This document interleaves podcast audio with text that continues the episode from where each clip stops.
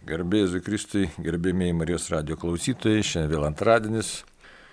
Esame Marijos radio studijoje Kaune, taigi toliau tęsiam kalbą apie Katalikų bažnyčios katekizmą. Esame laidoje, arba kitaip sakykime, laida mūsų laida skirta Katalikų bažnyčios katekizmo komentarai. Prie mikrofono aš kunigas Atmandas Valkauskas. Ir prieš kalbėdami, prieš žvelgdami į katekizmo tekstą, pirmiausia paprašykim Dievo pagalbos ir jo vadovavimo vardant Dievo Tėvo ir Sūnaus ir Šventosios dvasios. Amen. Šventoji dvasia Dieve, nuženk į mūsų protus, į širdis, į mūsų visą būti ir būti ir mūsų gyvenimą, bet ypač į šį momentą, kad tikrai ką nori mums pasakyti, kad mes išgirstume, suprastume, priimtume ir gyventume pagal tavo vienas trybė Dieve įkvėpimus, kad mūsų tikėjimas vis auktų ir auktų, viltis tvirtėtų, meilė stiprėtų ir taptume tikrais bažnyčios nariais, to prašome per Kristų mūsų viešpatį. Amen. Taigi toliau tęsim kalbą apie viešpės maldą tėvę mūsų ir analizuojam toliau kreipinį, kaip ir mes atleidžiame savo kaltininkams ir kalbėjome, kad tas atleidimas yra, na, tiesiog tikrai toks dieviškas dalykas, sunkus dalykas. Sunkus todėl, kad reikalavimai tokie, galėtume sakyti, peržengitis žmogiškų galimybių ribas. Na ir kita vertus tai yra na, iš vienos pusės labai sunku, bet iš kitos pusės tai yra tiesiog didžiulis žmogaus pašaukimas, įvertinimas, išaukštinimas, kad štai žmogau, tu esi pašauktas būti dieviškojų buvimu. Aišku, kartais mums gali nepatikti ar atrodyti, kad tai pernelyg sunku, bet šitoje vietoje mes turėtume suprasti, kad, na, žvelgiame į katekizmą ir mes matom, kad štai kad tai ta tiesiog kaip minėta krikščioniška malda pakyla iki atleidimo priešams, kad tai yra maldos dovana ir kad mes iš tikrųjų tampam panašiais į Dievą, tai iš vienos pusės, kaip jau minėjau, gali būti tai atrodo na, tiesiog per sunku, bet iš kitos pusės reikėtų daugiau pasitikėti Dievo įkvėpimais, Dievo vadovavimu mums, kitaip tariant, kaip mes ir girdim šventųjų išsireiškimuose, kad štai daugiau pasitikėti Dievo vedimu ir tiesiog palikti viską, na ne viską, bet daugą Dievo įkvėpimams ir klausyti tų Dievo įkvėpimų. Bet čia toks, na, gali keistai atrodytas mums pasakymas, tai todėl apie tai ir kalbėsim vėliau šiek tiek. Tai dabar žiūrime į tekstą ką mes šiandien galėtume savo paanalizuoti, pamatyti, išgirsti. 2845 numeris tekstas yra toksai. Tam iš pagrindų dieviškam atleidimui nėra nei ribų, nei saiko. Kai kalbama apie žaidimus, čia skliausteliuose pateikta kaltes pagal Luko 11 skyrių 4 eilutę arba skolas pagal Mato 6 skyrių 12 eilutę, mes iš tikrųjų visada esame skolininkai. Ir citata iš apaštalų Paulius laiško romiečiams 13 skyrius 8 eilutė. Niekam nebūkite ko nors skolingi išskyrus tarpusavio meilę. Švenčiausiosios trejybės bendrystė yra kiekvieno teisingo santykio šaltinis ir kriterijus. Ji tikrovė tampa maldoje, ypač Euharistijoje. Dievas nepriima nesusitaikiusių aukos, juos sugražina nuo altoriaus ir liepia pirmą susitaikinti su broliais, kad taikiomis maldomis galėtų susitaikinti su Dievu. Gražiausia auka Dievui yra mūsų taika, mūsų broliška santavė - tėve, sunuje ir šventojoje dvasioje suvienita tauta. Na ir čia pasižiūrėsim, kokius čia mes dabar dalykus skaitom, ką čia išskaitėm, kas čia mums yra labai svarbu ir ką mes galime įgyvendinti, o kas pasilieka ne tiesiog kaip siekiamybė. Na, taip sakau, čia nėra, nėra kokia nors nuolaida, kažkam, bet tiesiog žiūrim. Taip, tam iš tik pagrindų dieviškam atleidimui. Ir kuo čia dabar grindžiamas toks pasakymas. Nuoroda yra, išnaša yra e, mums kviečianti pažvelgti į apaštalo evangelisto Mato Evangeliją, penktąjį skyrių, 43-44 eilutės. Kas čia pasakyta yra? Tai paskaitysiu. Jūs esate girdėję, jog buvo pasakyta, mylėk savo artimą ir nekesk priešų.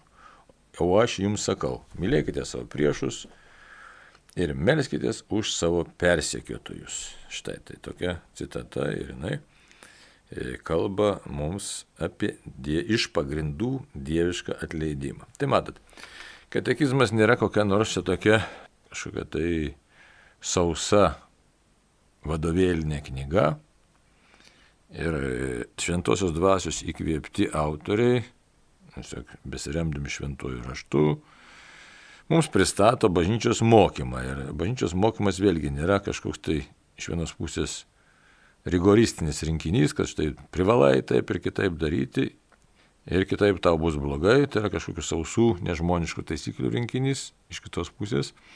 Tai yra na, iškelti labai aukšti reikalavimai, kurie lygtai ir mums neįmanomi. Tai katekizmo autoriai aiškiai tą suvokia ir įvardina, iš kuriam damiesi visų bažnyčios mokymų. Dabar kur čia tas supratimas ir kur čia tas griežtumas arba reikalavimo aukštumas, gal taip sakyti reiktų. Mintis taip labai e, tokia svarbi, aiški ir sako, iš pagrindų dieviškam atleidimui. Iš pagrindų. Matot, aiškiai, nes suvokiama, kad štai dar kartą galim citatą paskaityti. Jūs esate girdėję, jau buvo pasakyta, mylėk savo artimą ir nekesk priešų. Senajam testamente tai reiškia, kad mylėk artimą, saugok savo šeimą, savo gentį, savo tautą, Dievo išrinktą tautą, taip apsaugosi ją ir su priešais kovok, nes tau reikia apginti savastį, tapatybę, apginti savo būti, savo buvimą ir savo laisvę. Nes čia labai daug buvo pasakyta ir Senajame testamente, nes turi tai, ką tau Dievas davė, turi iš tikrųjų apginti, kad galėtum būti tuo buvimu, kurį Dievas tau davė. Kartais žmonės klausia, ar reikia laisvę ginti, ar reikia nuo priešų gintis, ar čia kažkaip kitaip turi būti tas santykis suklostytas. Tai būtent dabar mes matome, kad štai Senajame testamente buvo pasakyta, kad gyvenimas yra duotybė gauta iš Dievo ir tai, kad tu gavai vertybės, taip pat visa tai priklauso ir turi būti apginta. Tačiau ta gynyba buvo pateikiama kaip tokia griežta kova ir toks kovos santykis. Nesinorėtų sakyti neapykantos, bet, nes matot, mūsų tas lietuviškas kalbėjimas arba indoeuropietiškas kalbėjimas skiriasi nuo to semitinio kalbėjimo. Nekesk priešo, tai ten galėjo būti ir švelniau išversta arba pasakyta, nes nekesk tai tiesiog nelaikyk kažkokiam tai tokiam geram santykiai, taip tariant, kovok su priešu. Na, tai ar ten yra tas neapykantus emocinės kokios tai niuansas, čia jau būtų didelis klaustukas ir reiktų gerokai pasižiūrėti, panalizuoti, ką kalbinių požiūrių buvo galima išreikšti būtent semitinė kalba ar negalima, ko ten išreikšti. Tai va. Taip kad čia lengvų išvadų daryti šitoje vietoje negalima, bet pagrindinė mintis yra to, kad štai yra kontrastas. Mylėk savo artimą, įpareigojimas ir kovok su priešu. Nepasiduok priešui, pasipriešink priešui, galim šitaip sakyti. Tai. Arba jeigu nekestai, tiesiog jį, na, tiesiog atstumk tą priešą. Ne? Taigi, dabar girdim naują įsakymą, Jėzaus įsakymas sako, mylėkite savo priešus ir melskitės už savo persiekitus. Štai peržengiamas tos neapykantos arba natūralios gynybos kažkokios tai ribos ir parodimas naujas kelias. Kaip jis naujas, kiek jisai čia, galėtume sakyti, štai, ar kokia tai na, mums nesuvokiama realybė, ar kažkokia tai gal net demagogija kažkas gali pagalvoti, štai čia neįmanoma, kaip šitais priešais ir taip toliau. Jau esame apie tai kalbėję, kad Dievas, Jėzus konkrečiai pakviečia mus būti dievišku buvimu, bet ne vienas gali ir pasakyti, štai kaip čia dabar yra su tai ir gynyba, ir tėvynės gynyba, ir karas, dabar konkrečiai, jeigu ir net ir matom, vyksta visai netolitas e, šalia mūsų karas, Tai ką dabar reiktų pasiduoti, ar mylėti, ar kaip čia su meilė su tais priešais kovoti, kitaip tariant, su meilė priešų žudyti, ne? tai tokie atrodytų sunkiai kartais net ir išsprendžiami dalykai, ar savy prieštaravimą talpinantis dalykai. Tai per daug neįsiplenčiant, aišku, viskas yra Dievo mūsų viešpės Jėzaus įspręsta, bet čia netaip paprasta mums įgyvendinti, ar netaip paprasta galbūt ir patiems suprasti, arba gyventi tuo, ką viešpats Jėzus mums pateikė, tai daug kas išlieka kaip siektinas tikslas, bet reikia suprasti, kad tikrasis dieviškasis buvimas būtent yra toks, kokį mums viešpats Jėzus parodo, o ne kažkas tai prieš tai buvę, nes Jėzus atnešė mus patys save, visiškai skiriasi santykis, mes galim priimti švenčiausią sakramentą, mes priimam Dievą šventoji dvasiai ir e, toliau kaip su ta priešų meilė jau čia na, kiekvienas esam šaukiami tą priešų meilę, bet kaip turi konkrečių būdų tai pasireikšti, vėlgi vėlgi jau kiekvienam šventoj dvasia duos atsakymą. Dabar čia yra tas kontrastas, žiūrėkit, iš pagrindų dieviškam atleidimui mes vieną dalyką turim skirti nuo Seno ir Naujo testamentą. Senajame testamente šventoj dvasia veikia tik tai tokiu, sakykime, per įstatymą būdu, per pranašus būdu ir buvo kaip svajonė ir siekėmybė, jeigu mes žiūrėsime ten Danieliaus pranašystę ar kitas vietas, kad štai jaunuolė ten pranašaus ir taip toliau, kad žodžiu, šventoji dvasia bus išlieta visiems. Mūsų laikais realiai kiekvienam bažnyčios nariui šventoji dvasia yra išlieta ir suteikta. Problema yra kita, kad mes nesistengiam būti maldos žmonėmis. Čia yra neformalios maldos, bet tikros maldos žmonėmis. Kaip tą padaryti, čia jau atskiras, nes turėtų būti kalbėjimas, atskira tema, atskiras svarstymas. Bet reikia nebijot prisipažinti, kad mes dar netapome tais giluminės maldos žmonėmis, kurie jaučia šventosios dvasios veikimą. Galima čia e, labai įsijausti, ypač puikybės vedavam, kad štai kartais tenka matyti tokių maldininkų, štai pasimeldžiau, susikaupiau ten, man šventoji dvasia kalba, ypač tokio išparsas pasigirsta tokio protestantiško žargono, tokio, na, tokio kažkokio tai religinio tokio keisto, e, sakykime, tokio entuzijazmo, daugiau tokio isterinio entuzijazmo, kuris nieko bendro neturi su tikroju šventosios dvasios veikimu. Ir taip e, gali būti, tiesiog, na, galim patekti į klaidą savo įvairius psichologinius išvedžiojimus ar dar kažkokiu tai dvasių gal nuteikimų. Tai va, taip kad čia įvairiai gali būti mūsų tam ieškojimo, dvasinio ieškojimo kelyje. Ir, bet Iš esmės reikia suprasti, kad štai atleidimas, priešų meilė yra dieviško veikimo dalykas ir Dievui veikiant jisai nėra neįmanomas. Jis yra, dar reiktų sakyti, Dievui veikiant jis yra įmanomas. Čia ir yra toks, kad man kaip asmeniui, ribotam, nuodėmingam, savo jėgomis tai nėra įmanoma. Tačiau, norint, siekiant na, ryštantis mylėti taip, kaip Dievas nori, Dievas atsilieps ir parodys, kaip turi būti. Taigi, pirmas veikėjas e, arba veikiantysis pagrindinis asmuo, arba galim įvairiai visokių metaforų prigalvoti. Na, pirmoji smūjų grojantis šitoje situacijoje yra viešpats Dievas. Ir todėl, ir todėl, sako, iš pagrindų dieviškam atleidimui. Tai nėra, nėra nei ribų, nei saiko. Supras, kad tai yra dieviškas veiksmas. Tai dar kartą patvirtina mūsų pašaukimo didybę.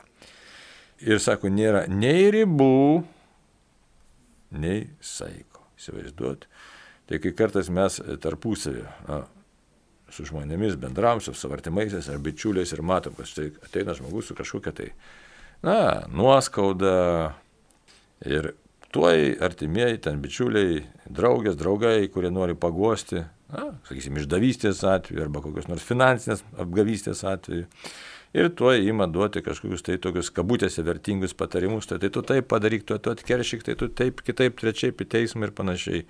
Na, žodžiu, krūva tokių patarimų, kurie neva turėtų išspręsti susiklošiusią kokią nors nepalankę, nemalonę ar skausmingą situaciją. Tai mes pamirštam vieną dalyką, pamirštam tiesiog pasimels pirmiausia, Dieve, kaip tu nori, kad ši situacija būtų sprendžiama. Nes kartais žmonės sako, tai iš ką tu liksi kvailas, kriksi ten kvailio vietoje, iškvailintas, išdurintas ir panašiai, nutilėsi, nenutilėsi ir panašiai. Tai nėra taip paprasta sustatyti teisingumo kriterijus, tiesiog pagal teisingumo kriterijus situaciją sutvarkyti, pagal meilės kriterijus ir taip toliau. Pagal šventosios dvasios veikimą. Bet iš esmės, net ir siekiant teisingumo, ne, turi išlikti meilės dėmo. Ir toliau net nežinai, kas tau suteiks tikrąją laisvę. Ar tas teisingumo sausas įgyvendinimas, ar atvirkščiai, e, kaip jau mes esam kalbėję, tiksliau kaip prieš tai dėstė katekizmas, ar atvirkščiai mums atleidimo išgyvenimas, kas suteiks tikrą laisvę, džiaugsmo ir ramybę ir perspektyvą į ateitį. Na, e, galim tik aiškiai pasakyti, kad kerštas, iš tikrųjų, jau žmonės patirtis rodo, kad keršto įgyvendinimas, na, neatneša tikrosios ramybės kažkodėl. Tai kaip ir prisirišimas prie nuoskaudos taip pat ne, nesuteikia ramybės. Taigi iš tai temos yra labai sudėtingos. Taigi iš pagrindų dieviškam atleidimui nėra nei ribų, nei saiko. Nei ribų, nei saiko. Tai kartais mes galim nustepti, kad štai liūdimai įvairių dabar ir internete yra, ir Lietuvoje, ir ne Lietuvoje, kad štai savo skriaudėjim ar savo ten kokiam e, vaikų skriaudėjim vienas ar kitas ar trečias ar tėvas ar mama ar ten žmonės atleido ne, ir netgi kažkaip su tais savo savo skriaudikais suranda kažkokį tai ten, na, kontaktą, ar tie skriaudėjai atsiprašo ir e, kažkoks įvyksta naujas buvimas. Gal teko girdėti tokią istoriją, kad štai čia kažkada dabar galvoju, iš keletą metų, kad sunaus žudikas, šiok tapo, įsivaikino tie jau nužudytojo e, tėvai tą e, vaikiną kažkaip panašiai čia, man atrodo, šitališkam saitę skaičiau. Aišku, labai sudėtinga situacija, kaip tam e, vaikinui žvelgti į to nužudytojo tėvų akis, kaip ten naudotis jo daiktais, nu žodžiu. Tokių, bet ką norėjau pasakyti, mintis tokia, kad įvairiausių situacijų ant šitos žemės yra ir todėl sako katekizmas, nėra nei ribų, nei saiko, kaip gali įvykti. Kad įsivaizduot, aš nužudžiau tavo sūnų ir dabar aš ateinu užimti tavo sunaus vietą, norėdamas tave paguosti, mamą ir tėtę. Įsivaizduoju tokia situacija. Tikrai čia prašyta buvo spauduoti. Internete tikrai skaičiau. Tai dabar tokia situacija, tokia, nu, nu, kaip ją protų apibrėžti ir suvokti ir kita vertus, kaip jausmais ir emocijomis, emocijomis ją išgyventi. Ar gali dabar kažkas atstot mano vaiką, ypač tas, kuris, kuris to, jo gyvybę atėmė. O, ir pasirodo, nėra nėra tų ribų ir nėra saiko. Taip kad čia, štai kaip čia toks jau tokia, e, galėtume sakyti, šventąją dvasę, šventosios dvasios veikimą atspindinti e, situacija, tokia sprendimas toks, na, labai sudėtingas. Bet tuo pačiu nu, jūs nepaprastas, pribloškantis galėtume būtų geras įvardinimas pasakyti. Tai toliau. Kai kalbam apie žaidimus, Ir kas čia, kokie čia tie įžeidimai, ne? Kaltės pagal Luką arba skolos pagal Mato 6.12 eilutę, ten, kas ten Mato 12.6 pasakyta, kad štai ir atleis mūsų, mūsų kaltės, kaip ir mes atleidžiame savo kaltininkams. Tai mes iš tikrųjų visada esame skolininkai. Ir kuo mes čia esame skolininkai? Ne? Niekam nebūkite ko nors skolingi, išskyrus tarpusio meilę. Čia tokia nelengva frazė, kuri talpina tokį keliaropą turinį. Dabar, e, kai kalbam apie žaidimus, sako, ne, tai kokie tie žaidimai? Gali būti įvairūs žaidimai. Mus kažkas įžeidė, mes kažką įžeidėm. Bet e, pati pagrindinė mintis yra, kad štai mes visą laiką esam tie, kurie savo laikyseną na, nusigrėžia nuo Dievo valios ir todėl E, esame iš tikrųjų e, Dievo valios pažeidėjai, esame Dievo valios, nu, tiesiog iškraipytojai. Ir e, pagrindinė Dievo valia kokia, mes aišku galim sakyti, iš kur aš žinau, kokia ta Dievo valia, nes čia taip ir evangelinta kalbėjimo mes esame atradę jaunuolėse, nesako viešpatė Jėzaus, sako, nu, ką turiu daryti, kad laimėčiau Dievo karalystė, sako, laikykis įsakymo, ne, tai sako, aš visą laiką to laikausi. Nu, ko dar reikia? Eik parduok savo turto, ne, ateik tada sek paskui mane, kaip sekti Jėzų. Arba tas fariziejus klausė, sako, koks įsakymas, įstatymas, na, pagrindinis įstatymas. Mylėk viešpė Dievą visą šiandien, visą sielą su protom, visomis jėgomis ir savo artimą kaip save patį. Tai, tai pagrindinis dėmo, ką mes esame kviečiami, tai yra tas meilės dėmo. Tai štai tie įžeidimai ar įžeidimas, tai pirmiausias dalykas, kad Dievas mums atleidžia mūsų e, įžeidimą, tiesiog tą Dievo įžeidimą, e, mūsų laikyseną, savąją laikyseną, netikusią savo gyvenseną, iš tikrųjų neatspindėdami Dievo mūsų duotą pašaukimo, jo neįgyvendindami, na, įžeidžiam Dievą. Kita vertus, kas iš mūsų gali pasakyti, kad niekad nesu įžeidęs pažeminę savo artimo. Tai būtų visiška e, nesąmonė. Juolab, kad mes patys to nejausdami pastoviai tai darome. Dabar kada darome? Savo širdyje. Žiūrėkit, pas, e, nepasitenkinimas, nepasitenkinimas, nepasitenkinimas. Mes dažnai esame nepatenkinti. Nepatenkinti, kad štai reikia eiliai pasistovėti, nepatenkinti savo artimo kažkodėl tai kažkokia tai, na, gal nepaskubėjo, gal neužleido, gal netai padarė. Žodžiu, tokio neurotiško nepasitenkinimo pilnas mūsų gyvenimas. Ir tokiu būdu mes tiesiog, na, esam tie, kurie teisė savo artimą, savo brolį, savo seserį. Ir e, todėl esam savotiškai vis laik skolingi vienas kitam tarpusavio meilę. Tai štai. Čia ir iš toks, galbūt sakysime, kad, na, kaip čia, ar čia pastebi, ar čia nepastebi, čia kasdienybė, bet būtent tai yra, kad mūsų kasdienybė yra tai, kad stokojame tarpusavio meilės vienas kitam ir stokojam dažna, gana dažnai. Tai va. Toliau tas, aišku, galėtume klausti, kaip čia dabar viską įgyvendinti, ar čia įmanoma, ar čia neįmanoma. Na, greičiausiai neįmanoma. Na, tiesiog kas pajėgus gyventi tokioj, na, absoliučioj ramybėj, pagarboj viens kitam. Nėra, nerasim tokio, šventas raštas sako, ir teisusis septynis kartus per dieną nusideda. Kartais mes save apgaunam, aišku, sakom, ne, aš nieko blogo nedarau, jokių čia tik atseit nuodėmių, bet kadangi nestebim savo minčių, nestebim savo širdies visų virpesių, nestebim savo aistrų, tai mums atrodo, kad su mumis viskas kaip ir gerai, bet iš tikrųjų tai nėra taip gerai. Bet kita vertus ir nereikia nusiminti, už tai ir yra ta malda. Ir atleisk mūsų, mūsų kaltes, kaip ir mes atleidžiam savo kaltininkams. Taigi, mums Dievas atleidžia mūsų didžiulę meilės skolą. Čia toks yra kitaip, kad ne, negraužti save ar kažką kitą, bet tiesiog žinoti, kad štai turiu, turiu tam tikrų trūkumų visą laiką ir Dievas tą puikiausiai žino ir mane mylėdamas pakelia į naujas aukštumas. Taip kad aš turėčiau ir į kitą žmogų žiūrėti su tam tikru atlaidumu. Tai nereiškia pataikavimo, jokių būdų, tai nereiškia nuolaidžiavimo nuodėmė.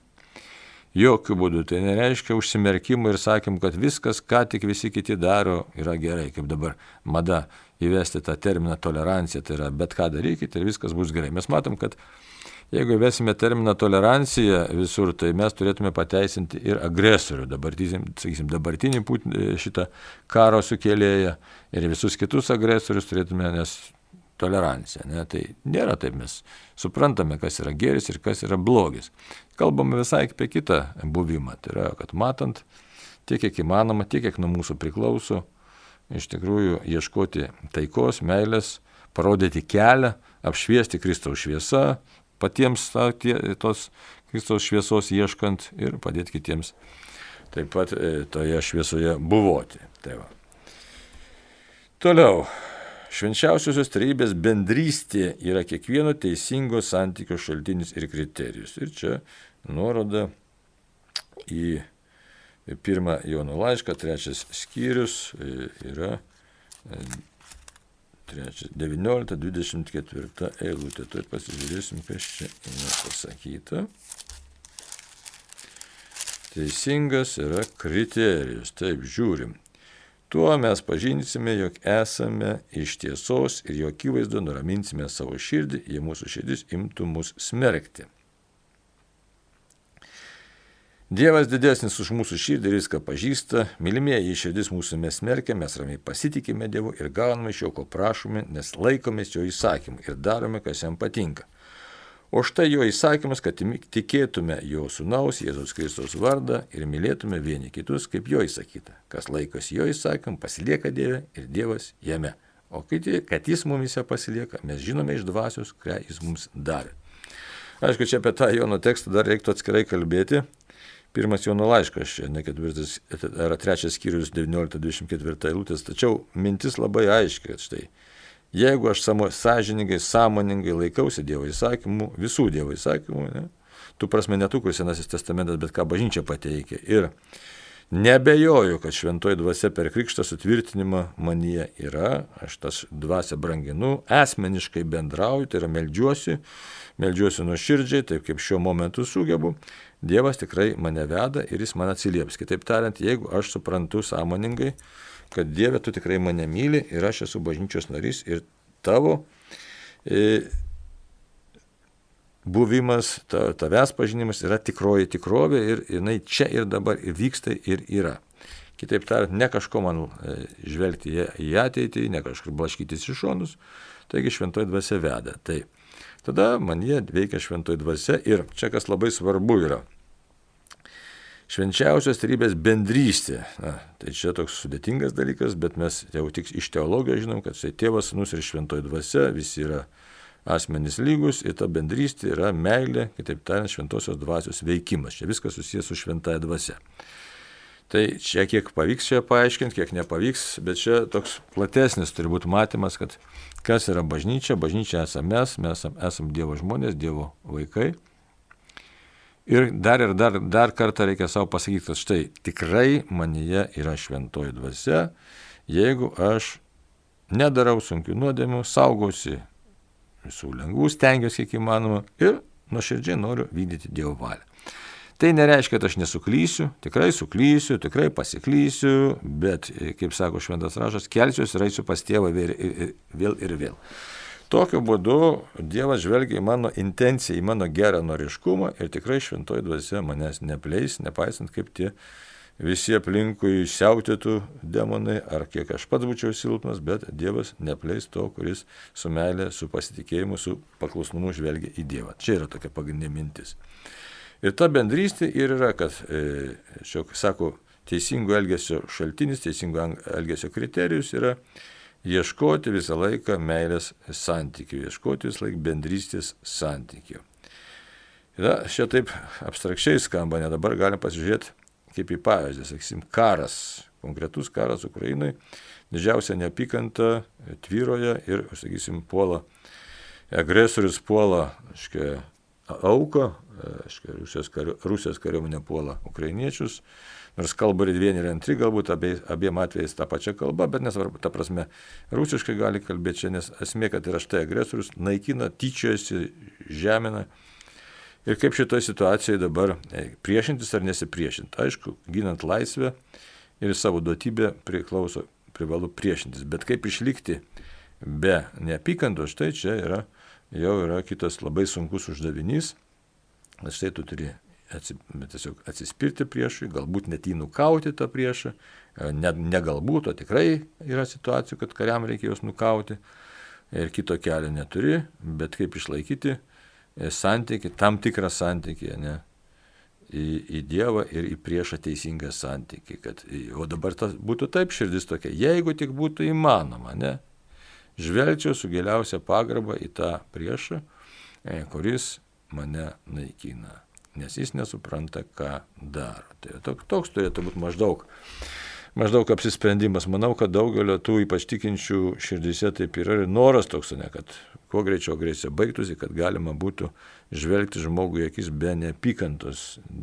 Dėl esamos situacijos štai ta neapykanta, jinai kažkokiu būdu skverbėsi. Ir kaip išlikti tame tokiame iš tikrųjų meilės santykė tiek, kiek įmanoma. Tai e, nežvelgti net į tą naik, priešą, naikinant jį, štai aš naikinu žmogų, bet tiesiog ginu, saugausi, saugau artimuosius, ginu teisybę, ginu teisę.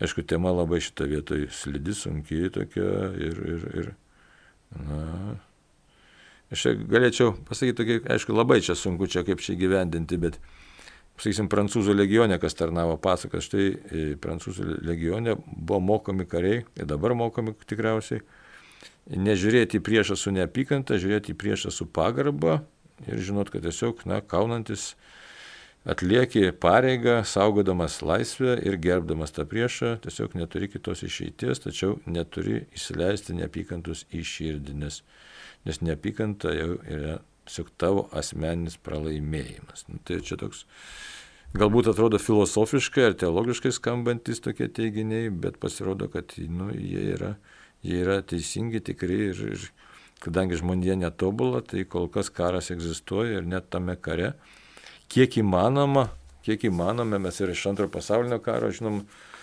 knygų parašyta nemažai, tai kiek įmanoma išsaugoti žmoniškumą. Žmoniškumą, žmogiškumą išsaugoti, nes žmogiškumas skiriasi, ne, bet tokį žmoniškumą išsaugoti, e, tai yra išlikti žmogumi, net pačiose sunkiausiose situacijose, net tada, e, kai, kai tave, tave naikina priešas. Hm.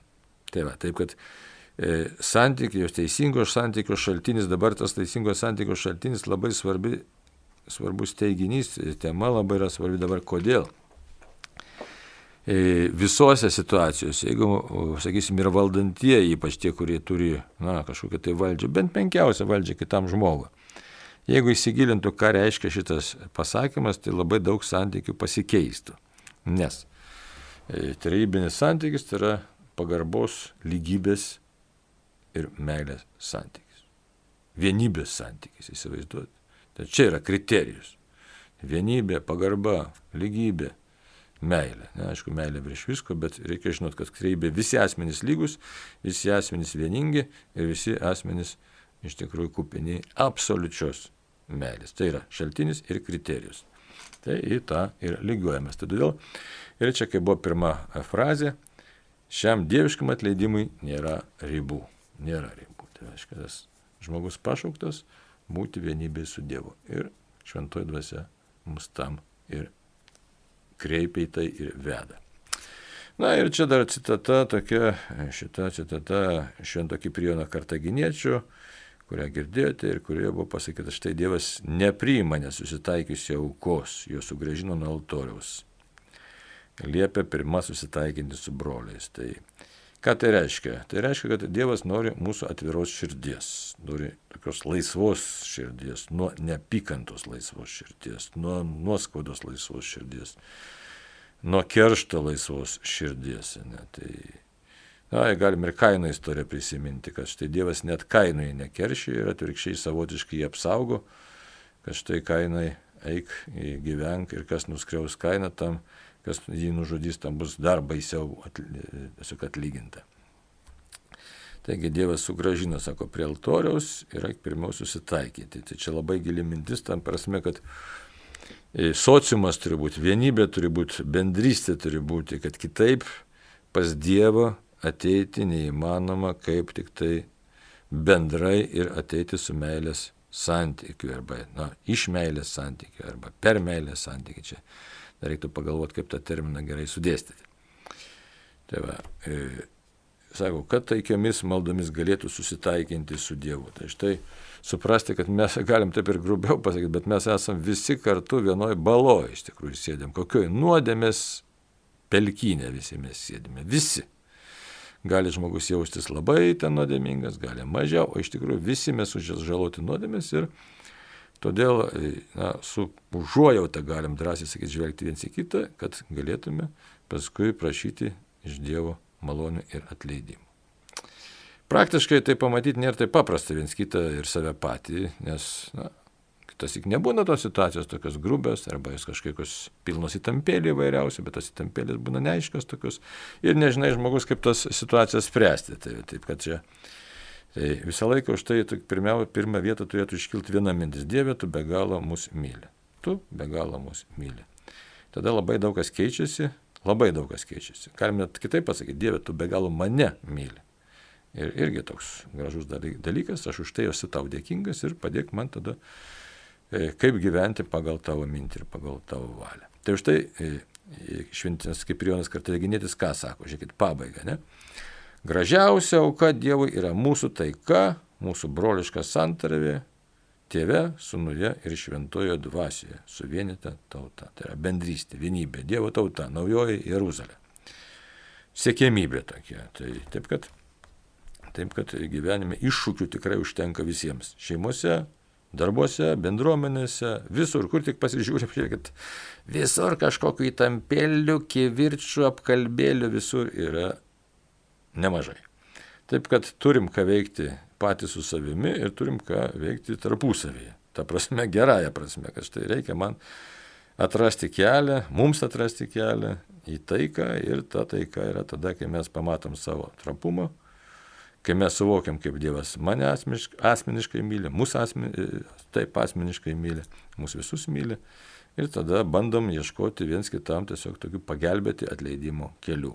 Na ir tais ypatingai sunkiais atvejais, kaip karo atveju, net tai čia jau tikrai ypatingai reikia melstis Dievo, ypatingos tikrai svarbios tokios malonės, galingos malonės, kad padėtų rasti kelią į atleidimą, į susitaikinimą ir su priešais. Na ir visais kitais nuoskaudų atvejais. Taigi tiek šiandieną, brangiai. Prašykim Dievą, kad pažintume ir dar ir dar ir dar kartą save kaip Dievo vaikus, kad šventoji dvasia mus vestų, kad mes suprastume, kad tikrai esam Dievo įrankis, Dievo meilės žmonės. Na ir pamatytume savo kelią asmeniškai, kiekvienas vedantį pas Dievą. Taigi, ačiū už kantrybę, už bendrystę, pasiliekam maldoj, už save artimuosius ir už taiką pasaulyje. Tam kartui sudė.